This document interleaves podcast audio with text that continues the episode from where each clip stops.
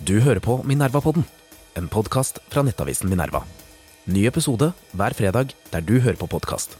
Sakene finner du på minervanett.no.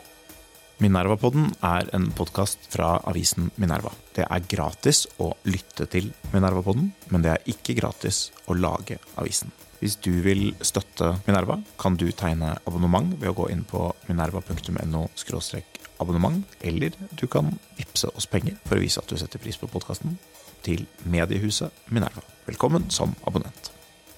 Hei og velkommen til Minerva-podden. Mitt navn er Nils August Andresen. Jeg er ansvarlig redaktør i Minerva. Med meg i dag har jeg deg, Torkel Brekke.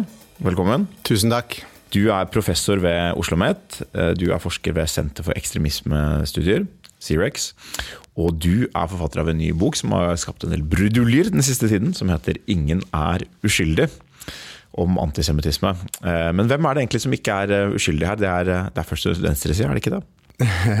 ja, nei, du, tittelen hentet jeg egentlig Det er et slags øh, øh, refleksjon på, på et uh, utdrag fra en av publikasjonene som jeg bruker i boka. Så, så, så, hvis man virkelig skal være nøyaktig, så er det de som ikke er uskyldige, og som tittelen viser til, så er det på en måte israelere generelt at ingen israeler er uskyldig i ja. palestinernes lidelser. Mm. Det, er det, det, er det egentlig tittelen viser til, da. Mm. Altså, mm. Den påstanden. Ja. Mm, det er den påstanden, ja. Uh, fortell litt hva du ville med denne boken, og hva, hva, den, hva den, handler om, hva du formidler. Jo, uh, jeg jeg har jo lenge jobbet med ekstremisme, og egentlig mest på høyresiden, innenfor rammen av Cerec, som du nevnte. Og eh, det foregår jo mye viktig og bra forskning da, i Norge og selvfølgelig i resten av Europa eh, på antisemittisme på høyresiden. Og jeg tror egentlig vi alle er helt enige om det, og det, det, er greit å legge en sånn ball død med en gang. Jeg tror vi alle er enige om, om at um, antisemittismen er klart verst på høyresiden. Det er der det er de skumleste og mest voldelige uttrykkene for det. Og kanskje blant islamister, får vi vel lov å si. Og også blant islamister i dag, helt ja. klart. Ja. Men, men, hvis vi tenker litt sånn historisk, da, så, så, vet alle norske barn um, at det er noe som het holocaust, og at Eh, det var et enormt uh, folkemord på jøder. Og dermed så har vi blitt på en måte kanskje litt uh, vaksinert mot antisemittisme i sin høyreekstreme drakt. og vi, vi, vi, er i Norge og mange steder i Vest-Europa i hvert fall, i stand til å liksom ta hele tiden nye oppgjør med det. Og, det. og det er veldig bra, det må vi fortsette med. Men så er det også sånn at antisemittisme også fins på venstresiden. Og det, det, er jo ikke så veldig rart, fordi antisemittisme er jo en veldig gammel uh, fordom, eller sett av fordommer, eh, praksiser. Bred, bred strømning i vestlig kulturhistorie. Ikke sant? Det er en bred strømning i man kan si kristen kultur. Så, og, og når det vi snakker om som høyre- og venstresiden oppstår etter den franske revolusjonen, så er det, nye, det er nye måter å tenke politikk på. Så, så det ville jo egentlig være rart om ikke antisemittisme eh, poppet opp i, i, i, over hele det politiske spekteret. Så, så, så, med det historiske perspektivet så er det ikke så rart at antisemittisme også fins på venstresiden. Men eh, et viktig spørsmål for meg, det var jo liksom Er det noen egne uttrykk for antisemittisme på venstresiden? Og, og, der mener jeg at svaret er ja. Jeg prøver å, prøver å, å grave litt, bore litt i, i, disse spesielle uttrykkene. Men så er det en annen viktig ting òg, som er liksom bakgrunnen for det du spør om. Eh, og det er at jeg mener at eh, det er mye mindre erkjent eh, at det også finnes antisemittisme på venstresiden. Hvis man ser til Tyskland spesielt, så vil jeg si det er en stor og viktig litteratur om dette. Også kom, det kom også mye i USA på engelsk, altså engelskspråklig forskning. Men, men jeg, så vidt jeg har i hvert fall sett, så har det vært lite om det i, i Norge. Så jeg ville egentlig skape en debatt om det. Så ville, så ville, jeg veldig at det skulle være en debattbok, og ikke Det kan vi snakke mer om hva jeg mener med det. Mm.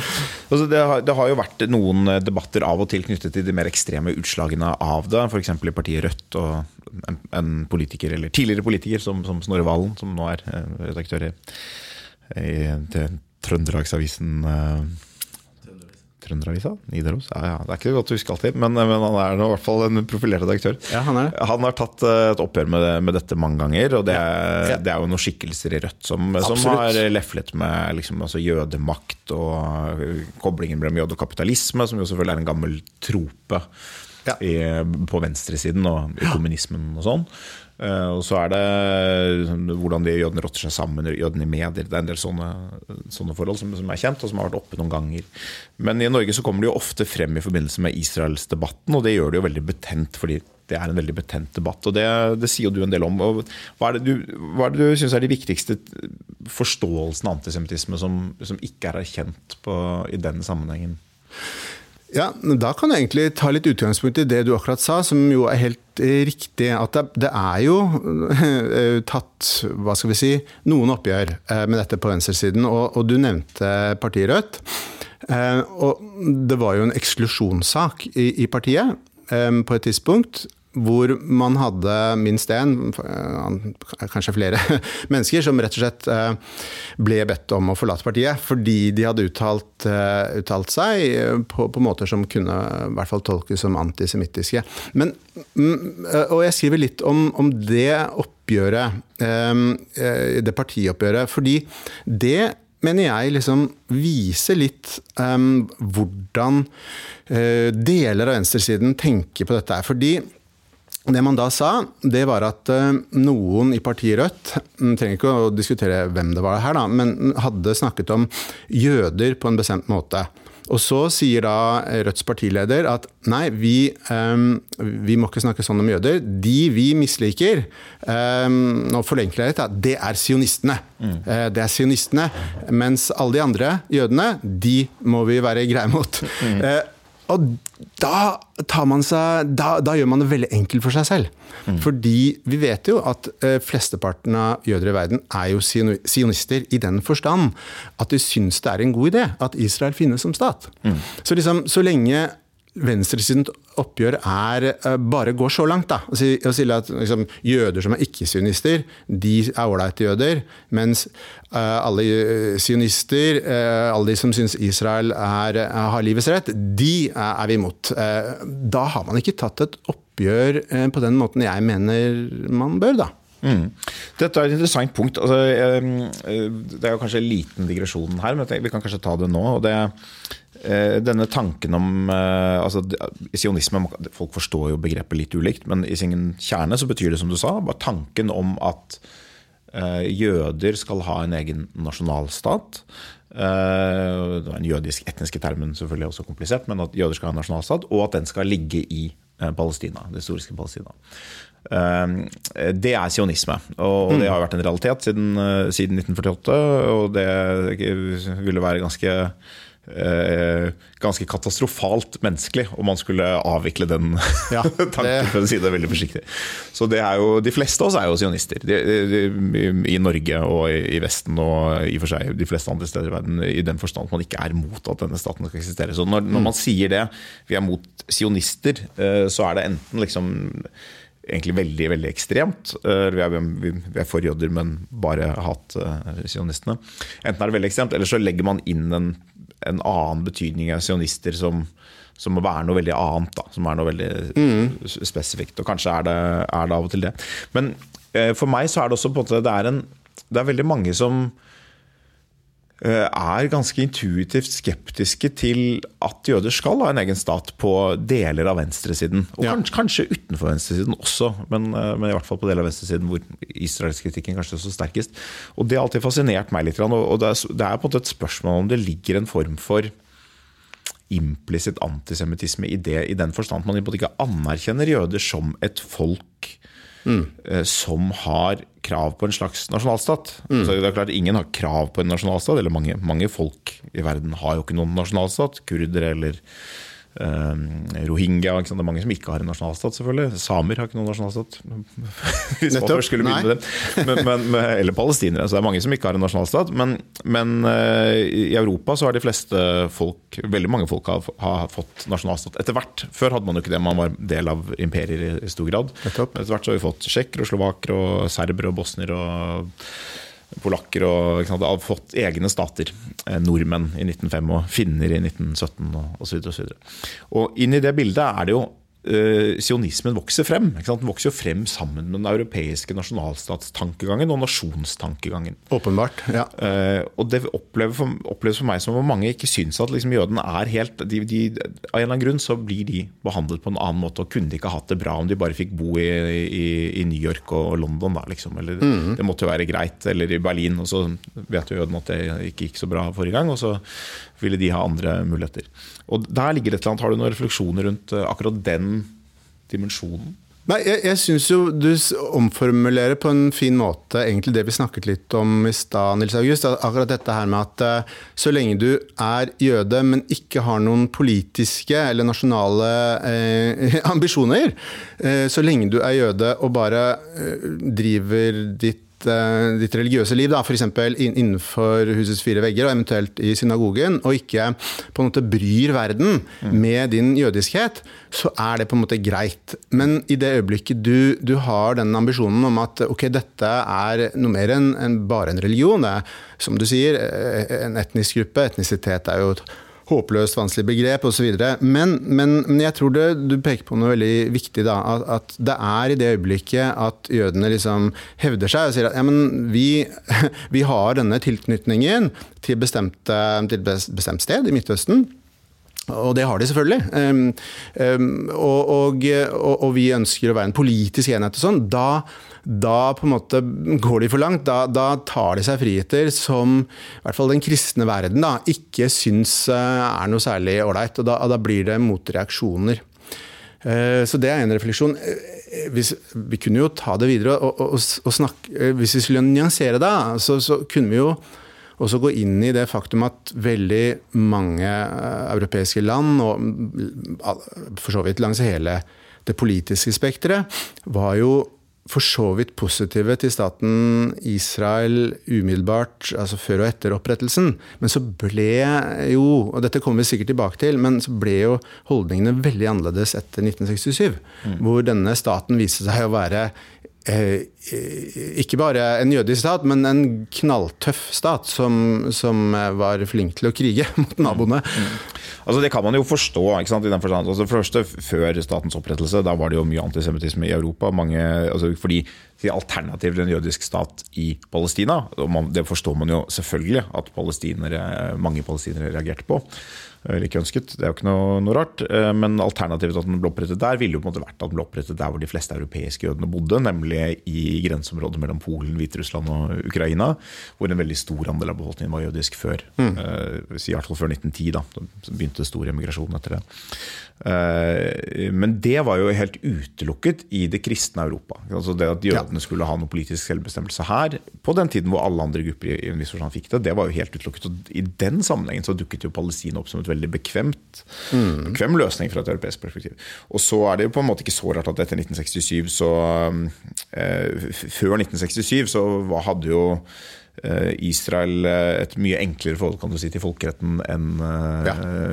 en den palestinske siden. Og etter 1967 så ble det mer kanskje annerledes. Så det er ikke så mm. rart at det ble komplisert. Men, men det er både denne forskjellen, det er nettopp her man kommer inn i forskjellen mellom kritikk av Israels politikk og konseptet Israel finnes som stat, og sionisme er en legitim bevegelse. Eh, men du, jeg ville gå litt videre til eh, noe av det interessante du bringer i denne boken. Det er jo på å se på hvordan en del av retorikken om både jøder og Israel har kommet inn i vestlig offentlighet. Eh, og det har jo noen interessante paralleller til, til i dag, men hva er det du har funnet her? Eh, kan, kan, du si det en til, holdt jeg på å si? Ja, altså, du, du, omformulere du det? Ja, Du snakker både om hvordan ja. Eh, sovjetisk ja, nettopp. Mm.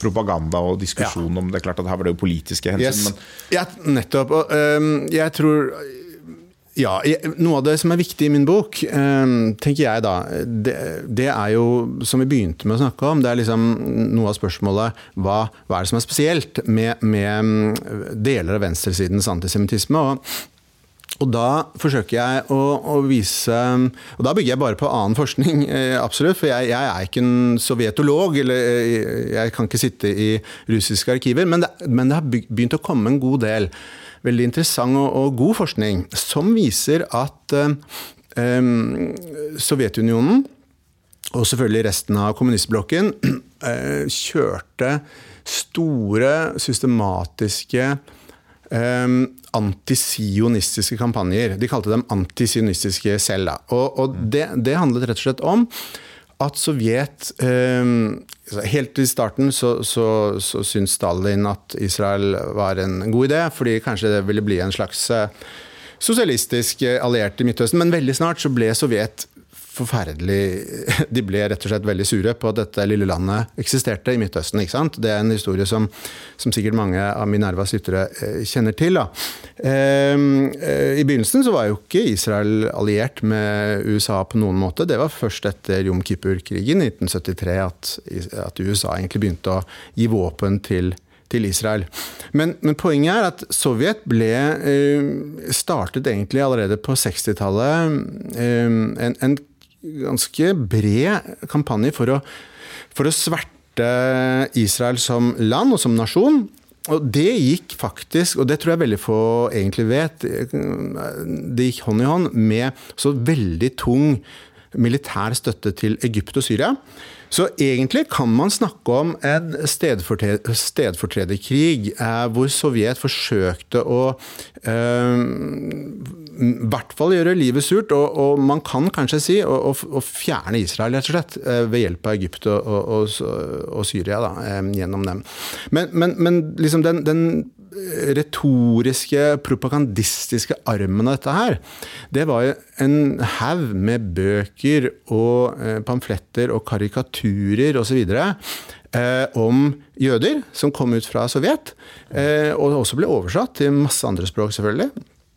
Eh, og en påstand i boka er jo at eh, noen av disse eh, antisionistiske ideene, som åpenbart er dypt antisemittiske, mange av dem, det er det, for de spiller på, på klassiske eh, russiske, og for så vidt globale, ideer om, om jødenes eh, dårlige egenskaper.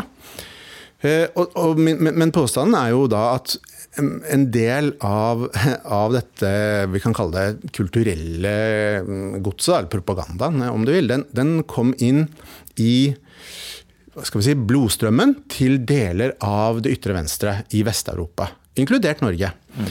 Og et av casene som jeg forsøker å bruke da, for å vise det, det er jo en eller to eh, artikkelserier fra Klassekampen i 1977 og 1979. Mm. Hvor jeg hevder, da, jeg mener helt klart, at det er, det er, åpenbart at man har rett og slett um, svelget en del punkter fra denne type Og Hva slags påstander er det, eller bilder av, av jøder? Ja, nei, det, det, det, er, det, er, flere påstander som fremsettes. Det, ene er jo uh, påstanden om at holocaust er veldig overdrevet. Um, at jødene overdriver betydningen av holocaust, og at det fins uh, en rekke overgrep mot mot folkegrupper eh, i, i, samtiden og historien som, som, er minst like ille. Da. Så Det er den klassiske myten om at jødene misbruker holocaust. Det er en.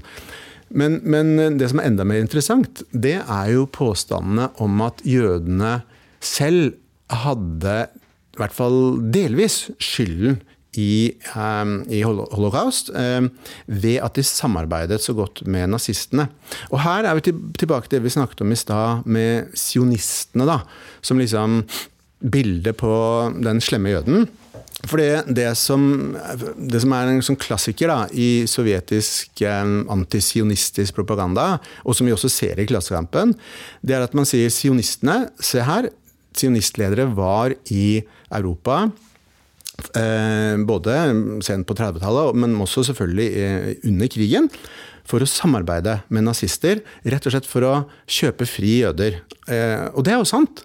De var jo det. Det var sionistledere som, som, kom til Eichmann og sa kan vi betale for å få redde livet til noen av de jødene som du nå har tenkt å drepe? Rett og slett. Men det som er så absurd med, med disse to artikkelseriene og, og liksom hele dette feltet, da, det er at man spinner det til å si at se, sionistene og nazistene var gode venner. De var gode buddies. De skjønte hverandre. Begge sider var dypt rasistiske. De hadde det felles. Og eh, det beviser da i en forstand at sionistene er like ille som nazistene. Eh, og så sies det også mer. Man sier f.eks.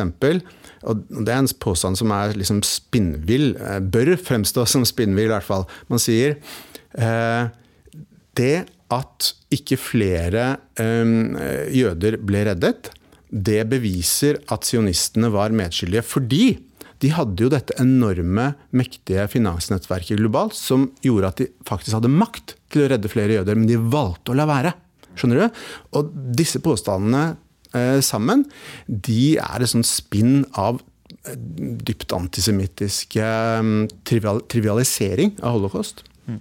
Man, disse påstandene det er jo sånn man, man, finner jo i dag også i nynazistiske yes. miljøer, og på høyresiden i den, den klassiske kalde altså Det er jo litt sånn hestesko dette her, da, men i, i USA for eksempel, på, så finnes dette på det ekstreme høyre også. I, I, Norge så er det veldig marginalt. Men mener du at man ser altså Du sier 70, slutten av 70-tallet, det er jo AKP-tiden. Ja. Eh, men det er også en tid hvor eh, flere av dagens eh, si 60-åringer, 65-70-åringer, hadde jo sin bakgrunn i det miljøet og litt flytende overganger kanskje til, til deler av SV og, og, sånn, selv om jeg ikke skal slå dem altfor mye hardcore. Men, men spørsmålet er egentlig da, ser du Ser du arven av det i dag, eller er dette mer et historisk tilbakelagt stadium? Eller ser vi hvordan dette har liksom forblitt strømninger på deler av venstresiden frem til i dag? Akkur, ja, det, det, er et veldig viktig spørsmål, syns jeg, og, og, et godt spørsmål.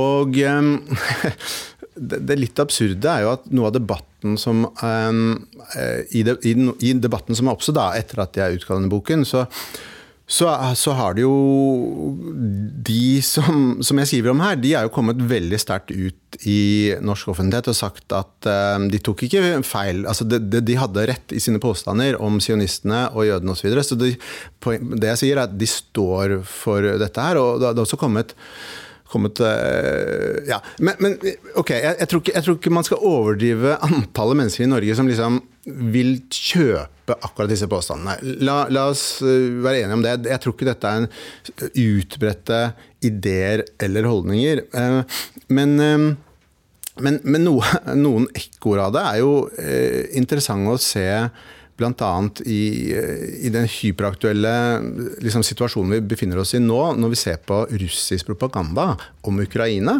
Der kommer det jo en del av de samme temaene opp igjen. Så, sånn at, eh, at dette ligger dypt i liksom, hvordan Russland som stat i dag, som da ikke selvfølgelig lenger er Sovjet, hvordan man ser på, på, på Israel delvis, men også på liksom sionismen som en sånn, sånn, evig global trussel, den er ikke borte. Og så mener jeg at man ser det i om ikke i Norge, så en del sånn globale, delvis engelskspråklige publikasjoner eh, som handler om eh, altså, altså type jeg, jeg, jeg tar, tar, for meg en del av det, men, men og da er vi inne i mer en sånn global antirasistisk eh, bevegelse som, som, også er veldig antisionistisk, som, som, har plukket med seg noen fall, da, av disse, disse, ideene. Jeg tror noe av det Russland og Sovjetunionen var veldig flinke til eh, og det, Jeg er jo russolog, holdt jeg på å si, så det, nå er jeg på min Nettopp. hjemmebane. Men det, en del av sovjetisk og russisk utenrikspolitikk, eller public diplomacy, det handler jo om å på påvirke ulike segmenter av opinionen i Vesten, både på høyresiden og på venstresiden. Eh, og det lykkes de med fordi de legger den påvirkningsnarrativet eh, nært opp til noe som, eh, som de allerede vet eksisterer, og som, som, appellerer. Og som i en viss forstand er nært nok opp til noe som er plausibelt eller som er sant. Eller noen ganger er sant, men bare er litt vridd. Til at det kan fungere. Eh, og Det er jo på en måte tilfellet med Israel. at Det er jo en ekstremt betent konflikt. Mm. selvfølgelig, og Det er masse å kritisere Israel for. og det er, en, det er en vanskelig diskusjon om forholdet mellom eh, sionisme og Israel. og antisemittisme, antijudaisme og disse strømningene i europeisk historie. Det er masse kronglete debatter som gjør det lett å gå inn og vri litt til der hvor det er, en, eh, er noe å liksom sette fingeren på, eller der hvor det er noe, mm. noe hat man kan vekke opp. Og jeg, jeg synes jo, så, så, Sånn sett er det ikke noe, eh, noe rart at de gjorde det. Og noe av er, noen av disse holdningene de spiller på, eh, er ikke nødvendigvis spesifikke for venstresiden. Men noe av det jeg lurer på litt, er om, om de har fått fått bli mer i fred på venstresiden. At de har fått lov til å eksistere måte, uten å uten å vekke mer anstøt da, enn det mm. det har gjort. Og Du, du nevnte et eksempel med Rødt. og Det er jo interessant fordi det kommer jo veldig sent. og, man kan, og det, ja, Oppgjøret er litt delvis osv. Og, så og, og så var det i og for seg det var mange på venstresiden som mislikte dette sterkt. Jeg nevnte Snorre Valen, det var selvfølgelig mange andre også. Men det gikk jo på en måte flere tiår før det førte til noe. Det var ikke akkurat noe hemmelighet at disse holdningene eksisterte hos noen, noen personer. Eh, og når de ikke vakte mer anstøt, så tror jeg det kanskje er litt fordi Eh, det er, det er, ikke viktig nok. Og det er jo litt rart når man i dag ser på som woke og cancel culture og alle disse tingene, så skulle man tro liksom det minste tilløp til rasisme må det til at man blir ekskludert fra en bevegelse som eh, er så antirasistisk i sin selvforståelse. Og du nevner det på den globale antikolonialistiske bevegelsen. Men den eksisterer sammen med antisemittisme. Og, og det, er selvfølgelig fordi den konseptualiserer sionismen som en form for kolonialisme. Men mm. jeg syns det er noe interessant der. Hvordan kan dette eksistere på venstresiden? Jeg tror det nettopp henger sammen med at man eh, Det er et eller annet i den eh, moderne antirasismen som ikke gjenkjenner eh, antisemittisme. Eller man gjenkjenner ikke som rasisme. Mm, det tror jeg er helt riktig. Mm. Har du reflektert noe Har du noe Ja. Nei, jeg tror du peker på noe som er helt uh, sentralt ved problemet. Uh, og Det er til og med en bok som ikke kom for så lenge siden, som heter 'Jews Don't Count', som, som snakker om samme poenget. At jøder uh, oppfattes som uh, representanter for hvite, det gjelder ofte som hyperhvite mm. i, i, denne forståelsesrammen. Og nei, jeg tror det er veldig viktig. Og jeg, jeg i boka, det er kanskje litt forenklet, da, men, men jeg setter egentlig startskuddet for for dette, det du peker på her, eh, til eh, september 2001. fordi da var det en eh, konferanse i Durban i Sør-Afrika. En FN-konferanse. Antirasistisk konferanse. Den skulle handle om rett og slett være arbeid mot rasisme. da. Det som var eh, viktig med den, eller grunnen til at den er blitt stående som en sånn case for, eh, for eh, folk som er opptatt av både rasisme og, og spesielt antisemittisme, det, det, er fordi at den konferansen den, den utartet egentlig til å bli Den fikk veldig mange merkelige rett og slett antisemittiske uttrykk. F.eks. var det masse flagg hvor davidstjernen davidsstjernen var overtegnet med hakekors. Det ble delt ut pamfletter eh, som var helt åpenbart antisemittiske, med karikaturer, liksom, med jøder med bloddryppende tenner osv. Og så var det også rett og slett eh, jødiske delegater, eller utsendte folk, da, til konferansen, som ble kjeppjaget fra debatter osv. Eh, og, og, og det, det ble gjort av antirasister i antirasismens navn fordi det var mulig i dette verdensbildet å tenke at se her, her har vi eh, en jøde, kanskje fra Tyskland eller Frankrike, et land som er i Sør-Afrika. Du er hvit. Du representerer noe som egentlig er det samme som, eh, som rasismen som vi har hatt her i Sør-Afrika, sånn apartheid osv. Eh, du representerer en global form for rasisme. Derfor er du fritt vilt.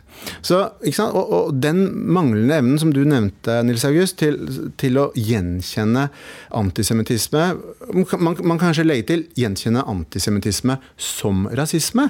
Det, det er jo et problem som man bør, må tas tak i, mener jeg. Jeg synes Det er interessant, fordi det, det, har vært diskusjoner også i norsk offentlighet. og Det var jo en diskusjon om hele rasismeforståelsen for noen år siden eh, i eh, Store norske leksikon. Det ble En stor offentlig debatt om eh, hvordan man skulle skrive om det. Hva er egentlig rasisme? Og Det endte jo opp med at den ble revidert i retning av dette synet, hvor rasisme må forstås veldig institusjonelt og strukturelt. eller hvert fall hvor Det er en hovedbærebjelke for forståelsen. Uh, og jeg lurer på om det er Og det kan man jo argumentere for, selvfølgelig. Uh, men jeg tror antisemittisme er et eksempel på hvorfor, det, hvorfor man ikke kan gå altfor langt i den retningen. Fordi det er, det er, veldig sånn Rasisme handler ikke om individuelle holdninger, det handler ikke om individuelt hat. Og det betyr at du kan være rasist selv om du har de beste intensjoner. Du kan, være, du kan mene det godt, du kan være glad i, den i, i svarte eller i samer eller i Eh, muslimer, men du kan være objektivt eh, rasist fordi du er med på å opprettholde hvite privilegier, og du har et hvitt blikk, og, og du støtter et økonomisk og politisk system som gagner hvite interesser. Og når du har det synet på, på rasisme, så blir jo antisemittisme veldig problematisk eh, konsept. fordi i Europa og i Amerika så er jøder økonomisk sett ikke noen marginalisert gruppe. Ofte økonomisk relativt privilegert, høy utdannelse ofte, og, og har tilgang til mm. politiske posisjoner og andre, andre, synlige maktposisjoner. I likhet med mange andre grupper, i og for seg, men de er, de er ikke marginalisert. Og Uh, ut fra det perspektivet så er, kan det ikke da være offeret for rasisme. Og da får du på en måte diskusjonen Man har en diskusjon kan Eh, muslimer, kan svarte, kan brune mennesker være rasister mot hvite. Såkalt reverse racism. Og det er ofte avvist. Jeg sjekket faktisk med Eh, chat-GPT før vi gikk i studio her. og ba han si noe om reverse racism. Er det et ekte fenomen, eller er det bare en unnskyldning for hvite for å slippe å forholde seg ja, til økonomiske? Hva sa chat? Ja, ChatGPT sa at det er et omstridt vanskelig tema, men ja, absolutt. Okay. Det, er, eh, det, er, det, er, mange som hevder at hvite bare bruker det som et påskudd. Og det er viktig, det er viktig å huske at rasisme er et komplekst fenomen som har societal and institutional features osv. Så, videre, og så, videre. så argumenterte jeg litt frem og tilbake. og Uh, vi kom aldri helt i mål, jeg og ChatGTP. det var, var veldig på at det er dette Jeg, jeg tok opp dette her da, med at det var med, med antisemittisme. Altså. You raise a valid point, men, men likevel. Ja. Så, så, det er et eller annet der at jeg har gått inn i ChatGPT at det er, eh, det er et veldig fokus der. Det er veldig vanskelig å vri det om til å si at ja, men hat og, og en type fordommer uh, og en, en type forestillinger om en gruppes essens det er jo på en måte kjernen i det klassiske rasismebegrepet. Og det er ekstremt viktig. Vi ser jo dette i europeisk sammenheng med, eh, med terrorangrep mot jødiske mål, stort sett da med islamistisk bakgrunn. I USA så er det jo terrorangrep mot jødiske mål også med høyreekstrem bakgrunn. Det, det har det mm. i Europa også. Eh, det har dødelige konsekvenser. Ja. Eh, og så blir det på en måte ikke gjenkjent. og Dette har vært en stor diskusjon i britiske Labour f.eks. Og det, mm. det, det, det, tror jeg er vanskelig å se for seg i et europeisk høyreparti. At man kunne hatt de tingene man har sett i Labour. Eh, at det kunne pågå over år. Men, ja, Nei, jeg tror du har rett. Og jeg syns poenget ditt med at, at, liksom, at rasisme er, i vår forståelse, er, er blitt er gått over til å bli noe gjerne institusjonelt eller strukturelt, og at det eh, kanskje kan skygge for um, at, Eller gjøre oss dårligere i stand til å gjenkjenne antisemittisme. Det syns jeg er et veldig godt poeng, som jeg ikke har tenkt nok over selv. men Jeg synes det er et godt poeng. Jeg har jo tidligere vært litt opptatt av selve begrepet strukturell rasisme og ment da skrevet en artikkel om, om, at jeg syns det er et dårlig begrep. Ikke fordi det ikke fins rasisme, det fins rasisme. Men, men fordi, jeg, fordi, jeg, mener, forsøker å argumentere for, at når vi snakker om strukturell rasisme, så så er det et overbelastet begrep. For det skal både beskrive et fenomen, beskrive en ulikhet f.eks., for og forklare fenomenet på samme tid, samtidig som det selvfølgelig er en fordømmelse mm. i begrepet. Så det gjør tre ting samtidig, da, det begrepet. Mm. Men jeg. Ja. Og, så, og, så, ser jeg historisk på begrepet. Men, så, så, jeg er ikke så glad i det begrepet. Men, men jeg, jeg, har lyst til å bare si en liten ting om, om det du nevner, for jeg syns det er interessant. Og jeg er det noe som jeg ville gjort annerledes med denne boka? Så er det å gjøre den dobbelt så lang. Og en av grunnene er at jeg gjerne skulle skrevet mer eh, skrevet inn mer teori om disse tingene her. Og en av de tingene, en av de perspektivene som jeg har forsøkt å bringe inn for å forstå eh, antisemittisme, som jeg syns er et mye bedre perspektiv da, enn en f.eks. strukturell rasisme, eh, det er det som kalles for kognitive modeller. For jeg, jeg, for jeg tror at um, antropolo Kognitive antropologer de er opptatt av kognitive modeller. og det, det handler egentlig om begrepene vi har inni hodet vårt, og hvordan de henger sammen som systemer av begreper, og hvordan de er sosiale systemer, men også hvordan de eh, kan Eh, de reflekteres utenfor oss. De, kan være i skrift, de kan være i symboler, i kunst osv. Stereotypier er slike kognitive modeller. Eh, og det som er viktig med dem, det er at de er, de er veldig holdbare. De holder seg gjennom generasjoner. Vi, lærer, vi, barn, vi lærer barna våre neste generasjonen får lignende kognitive modeller. Og de er også forbundet med sterke følelser. Og så er de vanskelig å endre. De, de, de hjelper jo oss å tolke verden sånn at når vi får data som ikke passer med modellene våre, så, så blåser vi i dataene. Um, og så bare beholder vi disse stereotypiene, eller modellene. Så, og noe av det som jeg gjerne skulle gjort hvis boka hadde vært dobbelt så lang, det var å skrive om liksom, kognitive modeller om jøder. Og hvordan de videreføres i kulturen. Uh, og jeg syns det er en, en, bedre inngang da, til å, til å, hva skal vi kalle det, teoretisere om antisemittisme. Uh, det, ja, jeg, jeg, håper Minervas lyttere liksom, er så nerder at de syns sånt er gøy. Ja, ja. Men, ja, men jeg tror, jeg tror du, det er jo veldig riktig. Og det, jeg tror noe av utfordringen er at vi uh, det, En ekstra grunn til at det er ganske vanskelig å Eh, avlære eller å, å, å, diskutere disse kognitive modellene knyttet til jøder.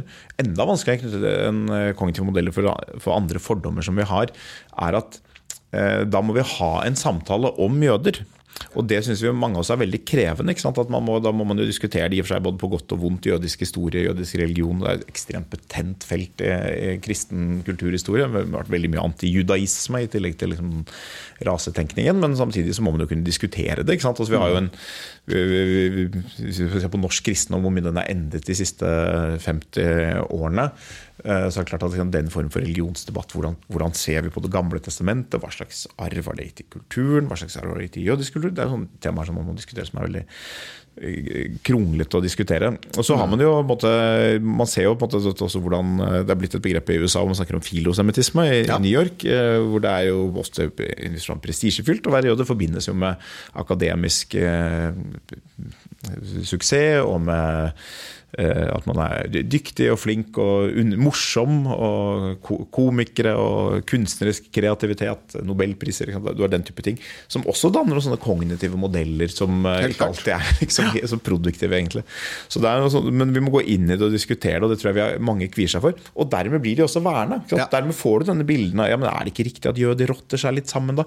Du får liksom ikke diskutert det, satt i kontekst, snakket om det. Da er det nesten umulig å avlære det. Du kan jo på en måte mm. skjønne at man skal ikke si det høyt, men du, det er ikke det samme som at du faktisk har endret uh, analyse. Da. Eller du, du, har kanskje ikke noen analyse, du har bare dette dette bildet, eller. Nettopp. Nei, nei, men Du peker nok på noe reelt, og det er kanskje litt med det vi snakket om i starten òg. At pga. den vanvittige erfaringen med holocaust og den, den vaksineringen vi har fått, så, så, er det også en slags berøringsangst mm. eh, rundt det å snakke om jøder, jødisk historie, Israels historie. Eh, og, så, så, det tror jeg du har rett i. Eh, men dette med filosemittisme, det er jo en egen og veldig interessant greie i seg selv. For det er på en måte Man kan jo nesten se det som liksom flippsiden, eller, eller mm, det merkelige speilbildet til, til antisemittismen i én forstand. Um, og, og, det er jo noe jeg har erfart etter at boka kom ut, at det har vært veldig mye forskjellige typer reaksjoner på boka, men én type reaksjon, det er jo fra eh, Hva skal jeg si det veldig kristne Norge, mm. som sier at yes, um, vi elsker Israel og, og, av teologiske grunner. Det er jo mm. derfor, ja, ja. i hvert fall noen, Hvor mange det er, det har jeg ikke talt på, men det er klart det er noen tusen i Norge, Sverige og Europa som elsker Israel av rent religiøse, teologiske grunner. Fordi Israel og jødene de inngår i frelseslæren mm. til, til, en del mennesker. Det er superinteressant. Um, um, men det er, det, er ikke, ikke, den boka er rettet mot, selvfølgelig. Men, men, men, men Si litt om reaksjonene på boken. for det har jo blitt en, Du sa du ville skrive en debattbok, og det har du jo virkelig gjort. For det er blitt uh, mange oppslag, og noen ja. har blitt sinte. og Du har vært i debatt med Lars Gule, og det har vært sak, saker i Klassekampen og flere steder om Nils Burtensson og andre midtnorske si, si, litt om reaksjonene. Er du, eh, du må, det kommer kanskje ikke helt overraskende, men, eh, men hvordan nei. opplever du eh, den diskusjonen? Ja, nei, jeg kan si at uh, på en måte så var nok reaksjonene litt som forventet. Uh, en del veldig sterkt negative reaksjoner fra personer og miljøer som jeg omtaler i boken det var nok som forventet. Eh, helt i andre enden så er det en del veldig positive reaksjoner. Noen av de mest positive kommer fra norske jøder. Eh, jeg vet ikke om du har fått med deg, men Det mosaiske trossamfunn har jo eh, kommet ut og ja, sagt at man er veldig glad for at noen tar opp spørsmålet. Mm. Og, og, det erfarte jeg jo jeg, jeg snakket jo med veldig mange norske jøder og for så vidt jøder i andre land òg. Jeg har masse venner i, som er jøder i andre land. Men, men, jeg snakket med mange om deres erfaringer. og Eh, Jeg vil nok si at mange, veldig mange av de jeg har snakket med, de tenker som så at det de er redd for, eller det de syns er ubehagelig i dagens politiske debatt, det er ikke nødvendigvis antisemittisme på ytre høyre. Fordi at den er vi alle enige om som samfunn. Den, vi, den har vi plassert liksom i en slags skammekrok. Eh, alle er enige om at de må vi både liksom holde styr på og holde vekk, og, og, og, og liksom eh, Ja, ikke sant? Altså, det er, jo farlig i sitt voldelige uttrykk, men det er Ja, ikke en politisk Nemlig. eh, kraft som Men- har mens, appell. ne, nemlig, akkurat. Men, mens veldig mange sa til meg at det de syns er mer ubehagelig, er den mer diffuse, mer ehm, eh, litt sånn, hva skal man si, eh, salongfeie, eh, stuerene ikke, ikke, ikke, nødvendigvis antisemittisme engang, men, men, men den derre overdrevent kritiske holdningen til Israel, og også litt sånn tendensen av og til, i hvert fall, til å, til å tenke at norske jøder, eller vesteuropeiske jøder, er litt for positive til Israel. At det, altså det er en sånn kobling der, da. Så um, ja.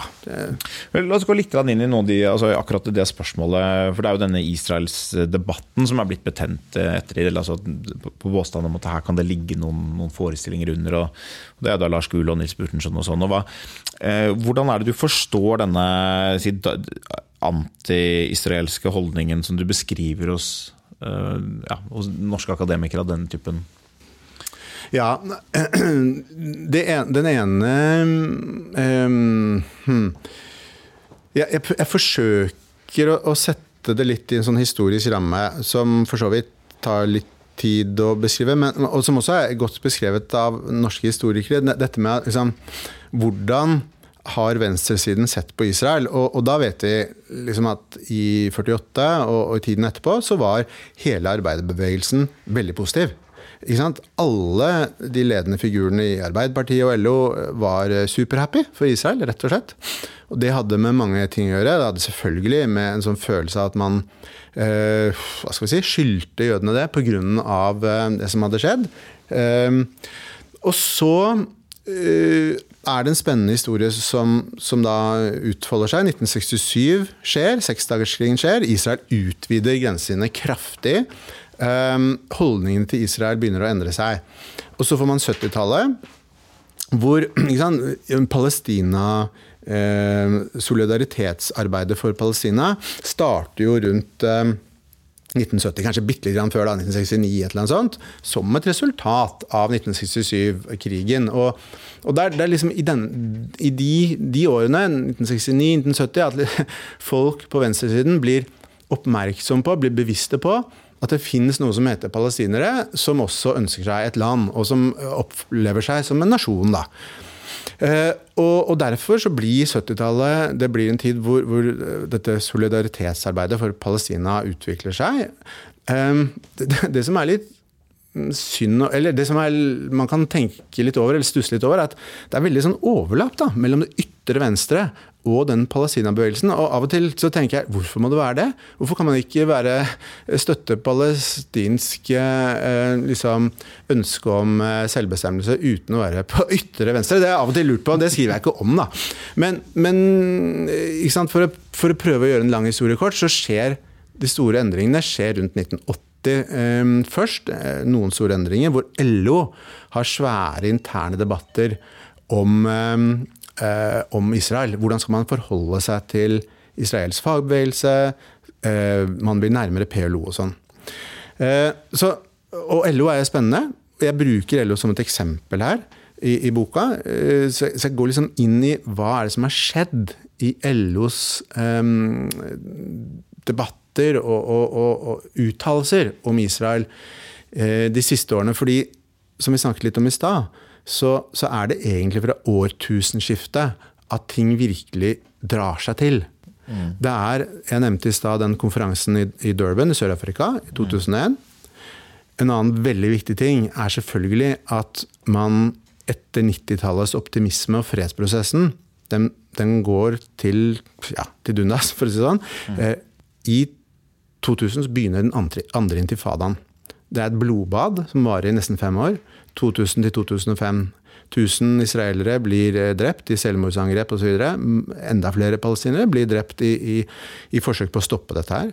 Helt forferdelig. Og da går hele fredsprosessen um, den, den, går i stykker. Og så, i 2005, dannes BDS uh, som en del av denne globale uh, anti-israelske, for så vidt palestinske grasrotbevegelsen. Så, så det er på 2000-tallet at de store, nye liksom, eh, idehistoriske endringene skjer. For lytterne BDS, altså boikott uh, Divestment, divestment, and sanctions, uh, nettopp. Så uh, Nå merker jeg, hører jeg at det blir veldig langt her, men, men vi skal fram til nå. For det er først etter 2010 at LO virkelig lar seg påvirke av disse store globale strømningene. Det er sterk, sterk lobbying. Eh, fra Palestina-bevegelsen, selvfølgelig, eh, overfor LO. Det er jo naturlig. Men eh, når man kommer til LO-kongressen i 2017 og 2022, så har LO landet på, på, på at de, de liksom rett og slett har et statement, et veldig sterkt statement, mener jeg, i uttalelsene etter kongressene. Så de bruker ganske mye plass i de uh, uttalelsene på å beskrive og eh, foreslå løsninger på, på, konflikten mellom Israel og Palestina. Det er kanskje en særegen norsk side her. ved at man, eh, altså Oslo-prosessen var jo ja. på en måte vår eh, store altså, engasjementspolitiske sak. Det var det hvite hus, og Bill Clinton var i Oslo. Det var kanskje ikke det samme, men det var liksom den, det tiåret hvor Norge skulle lage fred overalt. Og det var dette som var liksom caset. Og at det raknet, var det sikkert mange nordmenn som tok som en, eh, ikke bare som en geopolitisk tragedie, men som en nasjonal fornærmelse. Jeg tror det. Tror jeg. jeg tror det. Så det er noe interessant der. Og så, og så kan man selvfølgelig si også at man, man, man, kan jo, For å komme med liksom noen slags uh, forklaringer som, som, vi kan diskutere litt, da, hvor, hvor legitime de er. Altså, det er jo en sånn det at den fredsprosessen raknet, uh, Taiba i 2001, hvor uh, man kan diskutere hva som skjedde, Arafat sier nei, men så 2008, hvor det er ny krig, Olmert uh, får ikke til noen avtale, eller vil ikke gå inn for en avtale. Uh, så det er flere sånne punkter. Olmert ville vel, men det var en del ja. Det, var litt, det var litt uklart. mm. ja, ja, da, det, kan, man vet ikke helt hvem som ville og hvem som ikke ville. Men gradvis så blir det på en måte mer og mer klart at mainstream israelsk politikk ikke går for en tostatsløsning. Mm. Uh, og det blir lettere å være kritisk til det. Uh, men jeg synes det er interessant, fordi jeg opplever at det er en del miljøer på venstresiden som har en veldig uh, en, en, veldig overdreven antiisraelisme. Man, man, kan være på en måte så kritisk som man vil, men det, men det er et, et særeget fokus på denne konflikten. Mm. Kanskje blitt litt mindre etter at det har blitt så mange andre problemer i verden som har fått relevans for oss. Krigen i Syria, mm. krigen i Ukraina. Det kan være. Eh, at vi har sett liksom, Det er mye ille i verden. Det er ikke bare i Israel. Det var mye ille før òg, krig i Kongo og sånne steder, men det, bryr oss ikke så mye om her i Norge. Men nå har det blitt mye å tenke på. Israel har blitt litt mindre synlig i mediebildet, kanskje. Men, men dette Israelshatet, altså er det eh, Kan vi skille konseptuelt mellom en sånn anti-israelisme, altså en, en, slags ideologisk og emosjonelt drevet anti-israelsholdning. Og antisemittisme, eller bør vi gjøre det? Jeg synes Det er et interessant spørsmål, fordi man har jo denne testen på, på liksom antisemittisme i Israelsdebatten som av og til brukes, som handler da om eh, doble standarder, eh, delegitimering og demonisering. Og det er typisk da, at hvis man tegner eh, som du sier da, Netanyahu eller andre med eh, bloddryppende tenner eh, og samtidig ignorerer eh, iranske overgrep og mener at Israel ikke bør eksistere, eller mener at det eh, går for en enstatsløsning som i praksis vil bety at det ikke finnes noen jødisk stat. Den type ting, Og så sier man her er det et eller annet antisemittisk. Og Vi snakket jo litt om det selv. Jeg tror at det i og for seg finnes noen mulige logiske koblinger her. At man ikke egentlig syns at jødene burde ha noen stat. Eh, at de er ikke verdige til det på noen måte. Eller at det er et er en sånn tanke om at det, er fordi de rotter seg sammen og har så mye mediemakt at de klarer å få til dette, og det er egentlig for ille. Liksom. Altså, man, man, har noen sånne tanker. Mm. Uh, men man kunne også tenke seg på det. Vi har jo en del sånne andre anti, anti-amerikanisme. Det er jo en tydelig retning på venstresida, ja. som er emosjonelt drevet demonisering og doble standarder. Ja, ja, ja. men vi tenker jo ikke at det er liksom De er ikke det er ikke antietnisiteten. Det er noe annet. Så ser du liksom det, den konseptuelle Er det, en, er det en debatt som er eh, Ja, nei, jeg syns du har et godt poeng. Og jeg synes det det er helt åpenbart at på et konseptuelt nivå så må vi selvfølgelig skille. Uh, Antiisraelisme er jo ikke det samme som antisemittisme. Det er jo to forskjellige begreper. Uh, og og du, du, du peker jo på at altså, disse tre d-ene er jo litt, litt Man kan kanskje si det er litt lettvint pedagogisk prinsipp for å, for å liksom vekke en slags mistenksomhet når man analyserer debatter. Eh, og det er klart, uh, som du sier, det er klart at man kan ha sterke antipatier. Uh, noen kan da ha det for andre stater, hvor man har like mye delegitimering og demonisering og doble standarder som, som, man, som noen har for Israel. Så, så her må man skille kortene. Så, så spørsmålet blir ofte heller liksom eh, I hvilke tilfeller, eh, eller hvis man ser på ett case eller flere caser, av eh, sterk antiisraelisme, i hvilken grad er det en grunn til å se om det ligger noe antisemittisme under her? Det må være et spørsmål, tenker jeg, da.